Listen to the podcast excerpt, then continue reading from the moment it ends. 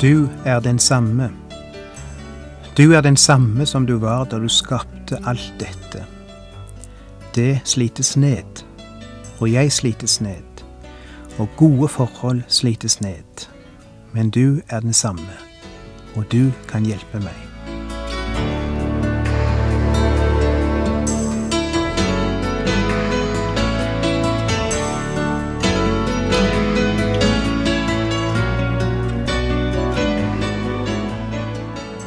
Hjertelig velkommen til et nytt program i serien Vindu mot livet.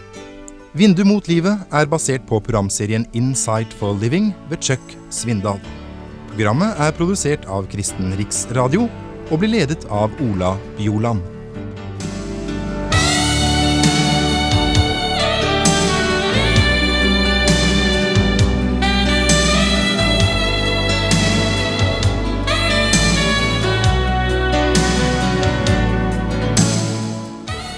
Vi fortsetter i dag med det avsnittet vi begynte på sist gang, nemlig Hebreabrevets første kapittel fra vers 5 og til og med vers 14.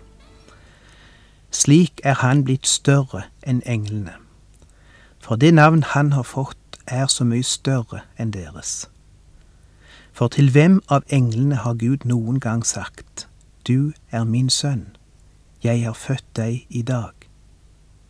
Eller som det også står, jeg vil være en far for ham, og han skal være en sønn for meg. Når han så skal føre sin førstefødte inn i verden igjen, sier han, alle Guds engler skal tilbe ham. Om englene har han sagt, han gjør sine engler til vinder, sine tjenere til flammende ild. Men om Sønnen sier han, din trone Gud, står til evig tid. Rettferdsstav er din kongstav. Du har elsket rettferd og hatet urett. Derfor, Gud, har din Gud salvet deg med gledens olje framfor dine frender. Og videre, du Herre, i begynnelsen grunnla du jorden, og himmelen er et verk av dine hender. De skal gå til grunne, men du forblir. De skal alle eldes som en kledning. Du ruller dem sammen som en kappe, de skiftes ut som klær. Men du er den samme, dine år tar aldri slutt. Til hvem av englene har han noen gang sagt, Sett deg ved min høyre hånd, til jeg får lagt dine fiender som skammel for dine føtter? Er ikke alle englene ånder i Guds tjeneste, som sendes ut for å være til hjelp for dem som skal få frelsen. Når jeg leser et slikt avsnitt i Bibelen, kan jeg ikke begripe de som fremdeles nekter for at Jesus er Gud. De som fremdeles hevder at han ikke er noe mer enn en høytstående engel, en slags erkeengel. Men det er jo nettopp det dette avsnittet i Hebreabrevet sier at han ikke er. Det er nettopp det som er poenget i det som sies her. At Jesus er noe helt annet enn en engel, eller et høyere vesen, eller et framifrå menneske, eller hva en vil kalle han. Han er Guds sønn. Han er Gud. Les dette avsnittet om igjen, og du vil ikke være i tvil om hva Bibelen lærer om Jesus som person. Og hør hva som står i den siste boka i Bibelen, om hvordan alle englene og alle maktene skal tilbe han en gang. Johannes' åpenbaring 5, for vers 11. Og i mitt syn hørte jeg koret av de mange engler som sto omkring tronen, og de fire vesener, og de eldste. Det var titusener på titusener, tusener på tusener av dem. De ropte med høy røst. Verdig er lammet som ble slaktet, verdig til å få all makt og rikdom, visdom og styrke, ære og pris og takk. Og hver skapning i himmelen og på jorden og under jorden og på havet, ja, alt som der finnes, hørte jeg si, Han som sitter på tronen, han og lammet, skal ha all takk og ære, pris og makt i all evighet. De fire vesener svarte Amen, og de eldste kastet seg ned og tilba. Den kjente forfatteren av boka En pilegrimsvandring, John Bunyan, skrev en gang Hvis Jesus ikke er Gud, så er himmelen full av avgudsdyrkere. Det er godt sagt, for i himmelen vet de hvem Jesus er, og de faller ned på knær for han og tilber han. Enda englene faller på kne og tilber han. Ingen annen skal tilbes enn han. Ikke engang engler skal tilbes. Selv om engler kan gripe inn i våre liv ifra tid til annen, og noen faktisk mener å ha sett engler i spesielle situasjoner, og mange flere har i det minste sett og opplevd at de har grepet inn i livet på merkelige måter, så skal ikke engler tilbes eller takkes eller oppsøkes eller ropes på. Det vil ikke nytte noe, for de er underlagt ham som vi tror på og tilber. Det er han som sender engler. Det er han som gir de beskjed om hva de skal gjøre. Det er han som er Gud, og som er, vår, og som er verdig vår tilbedelse, vår takk og vår pris. Det er det hebreerbrevet understreker så sterkt. Om Sønnen sier han, Din trone, Gud, står til evig tid. Rettferdsstav er din kongsstav. Ikke la noen få deg til å tro at Jesus ikke er kalt Gud i Bibelen. Jeg har ofte møtt mennesker som har hevda det, enda teologer. Men her står det jo svar på hvitt. Om Sønnen sier han, Din trone, Gud, står til evig tid. Og videre, Du Herre, i begynnelsen grunnla du jorden, og himmelen er et verk av dine hender. Det er fremdeles Jesus det taler om her. Her kommer det òg inn på hva slags rolle han spilte når det gjelder skapningen, skaperverket. Hør hva en er skrevet om det skaperverk som han er skaper av. Vitenskapen forteller oss at lyset beveger seg med en hastighet av 297 000 km i sekundet. De raskeste tenke, det, raskeste vi kan tenke oss, er gjerne en kule fra en pistol eller en rifle. Den går så fort at du ikke kan se den. Hvis en kule skulle gått med lysets hastighet, ville den kunne passere din kropp syv ganger før kroppen i det hele tatt ville hatt tid til å reagere på den. Med denne fart er det lyset beveger seg, og likevel trenger det fire og et halvt år på å komme fra jorden til den nærmeste stjerne. Sagt med andre ord, vår nærmeste stjerne er 42 trillioner kilometer borte. Hvis du og hele din familie telte så fort dere kunne resten av livet, satt og telte så fort dere kunne dag etter dag, uke etter uke, måned etter måned, år etter år, og så til slutt la sammen de tallene dere var kommet til, så ville dere aldri kommet til tallet 42 trillioner. 42 trillioner kilometer borte er vår nærmeste stjerne, eller fire et halvt lysår. Og både denne stjerne og vårt eget solsystem tilhører den såkalte Melkevei-galaksen. Å krysse vårt melkeveisystem ville ta tusen år med reising med lysets hastighet. Og dette melkeveisystemet er bare én av utallige galakser i universet. Vår nærmeste galakse utenfor Melkeveien er Andromeda-galaksen, og hvis vi reiste med en fart av 300 000 km i sekundet, ville det ta oss to millioner år å nå fram til denne galaksen. Moderne vitenskap kan også fortelle oss at mennesket står omtrent i midten når det gjelder størrelse på skaperverket. Det betyr at i forhold til mennesket så er atomet like lite som universet er stort. Atomet, som er så lite at ikke de sterkeste mikroskop kan oppfange det, er i seg selv et lite solsystem, med elektroner og protoner som sirkler rundt i denne astronomiske kjerne.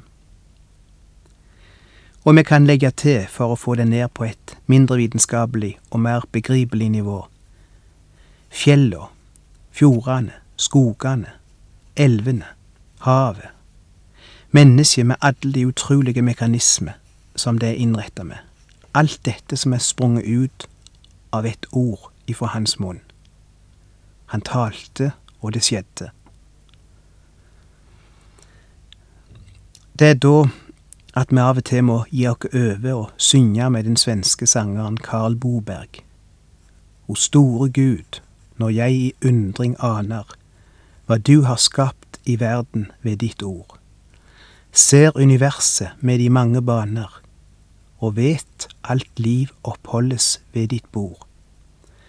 Da bryter lovsang ifra sjelen ut, og store Gud, og store Gud. La oss igjen lese vers 10-11. Du, Herre, i begynnelsen grunnla du jorden, og himmelen er et verk av dine hender. De skal gå til grunne, men du forblir. De skal alle eldes som en kledning, du ruller dem sammen som en kappe. De skiftes ut som klær, men du er den samme. Dine år tar aldri slutt. Vitenskapsmenn snakker om den annen lov, den termodynamiske lov, som de moderne evolusjonister må benekte hvis de skal bevise sine antagelser. Den andre lov, som innebærer at det er en degenerering i universet, en slitasje. Ting blir utslitt, òg i skaperverket, eller universet. Sakte, men sikkert slites det ned, akkurat som våre kropper elles og slites ned. Det er det dette ordet sier. Himmel og jord skal gå til grunne. De skal eldes som en kledning. Men han forblir, står der. Du er den samme, og dine år tar aldri slutt. Det betyr kanskje ikke så mye for deg før du står midt oppi en hektisk dag og kommer opp i et problem. Og du trenger all den guddommelige kraft og visdom som fins. Da trenger du Han. Da blir slike ord verdifulle. Da får slike ord mening. Du er den samme. Du er den samme som du var da du skapte alt dette. Det slites ned, og jeg slites ned, og gode forhold slites ned, men du er den samme. Du kan hjelpe meg. Og da er det Bibelen sier at Han er her med sine engler, alltid til stede for å gripe inn, for å hjelpe, berge og beskytte. Det som er så viktig for hebreabrevet å få fram, er at selv om Gud styrer ved hjelp av sine engler, så har englene ingen annen funksjon overfor oss enn å være Guds hånd og Guds redskap. Vi skal ikke ha noe forhold til englene. De gir oss ikke kraft eller visdom eller innsikt eller noe slikt. De er kun tjenere for Gud, instrumentet som Han bruker. Og når de har utført sin oppgave, så er de ute av bildet. Ikke prøv å få kontakt med engler. De er ikke til for at vi skal få kontakt med dem. Det er Sønnen, Jesus, som er den vi skal stå i et personlig forhold til, og som vi skal forholde oss til. La englene gjøre det de er til for, og la de så få være i fred, hadde det mest sagt. Bibelen advarer sterkt imot engeldyrkelse. De klarer seg utmerket godt uten vår oppmerksomhet, uten at vi tenker på dem eller prøver å komme i kontakt med dem. Er ikke alle englene ånder i Guds tjeneste, som sendes ut for å være til hjelp for dem som skal få frelsen? Slik slutter dette avsnittet og dette kapitlet, og det sier i grunnen alt. Det sier òg at englene mangler en erfaring som vi har, som tror på Jesus. De mangler erfaringen med å bli frelst. De er ikke gjenstand for Jesu frelsende gjerning. De kan bare betrakte det utenifra, og de kan glede seg når mennesker som var fortapt, kommer til Jesus og blir frelst. I en gammel amerikansk salme heter det at englene kan synge hellig, hellig, hellig, som ingen andre vesen. Men når jeg som truende synger om forløsninga ved Jesu blod, da kan ikke englene følge meg i den erfaringen eller den sangen, for de har ikke opplevd det. Da folder de sine venger. Og salmen lyder slik for de som kan engelsk. Holy, holy, holy is what the angels sing, and I expect to help the courts of heaven ring. But when I sing redemption's story, they will fold their wings, for angels never felt the joy that my salvation brings. Jeg har en sann historie om en kjent amerikansk gospelsanger som het Ira Sankey. Kjent i sin tid som fast sanger for den verdenskjente evangelisten Moody. En gang var han ute og reiste med en hjuldamper på ei elv i Amerika. Han skulle til Philadelphia for å nå et tog der som skulle ta han heim til jul. Og Han forteller i sin historie at han ennå var litt irritert over dr. Moody, som hadde fortsatt møtene så tett inn på jul at det var med nød og neppe han nådde fram og nådde heim til familien i tide før julaften. Og jeg siterer ifra historien. Det var julaften 1875, og idet mannen sto og stirret mot kysten av Pennsylvania, tenkte han på familien sin i Newcastle, noen hundre kilometer unna, mot vest, som han kanskje ikke vil nå heim til før jul. Unnskyld, men er ikke du Ira Senki, gospelsangeren? Han snudde seg og så inn i ansiktet på et par som plutselig sto ved siden av ham der ved båtrekka. Han hadde håpet at han ikke skulle bli gjenkjent av noen. Ikke i kveld. Han var trøtt og litt gretten. Faktum var at han var litt sint der han sto. Vi trodde du fremdeles var i England, fortsatte damen. Jeg kom derfra sist uke, mem, svarte Senki med sin dype barytonstemme. Og hvis Moody ikke hadde insistert på og plent skulle fortsette møtene så langt inn på jul, tenkte han inni seg, så hadde jeg vært hjemme nå, men han sa det selvfølgelig ikke høyt. Mr. Sankey, kunne du tenke deg å synge for oss? Det er julaften i kveld, vet du, og det hadde vært så koselig om du ville synge litt for oss her om bord på båten. Senki lovte å synge, og det ble annonsert i høyttalerne at den berømte Senki skulle synge på dekket. Han var kjent over to kontinent som gospelsanger og sangleder, kanskje den største i verden på den tiden. Idet folket samlet seg på dekk, annonserte Senki at han skulle ønsket at han hadde hatt sitt bærbare orgel med seg. Men putt, putt, han kunne alltid synge noen julesanger uten orgel.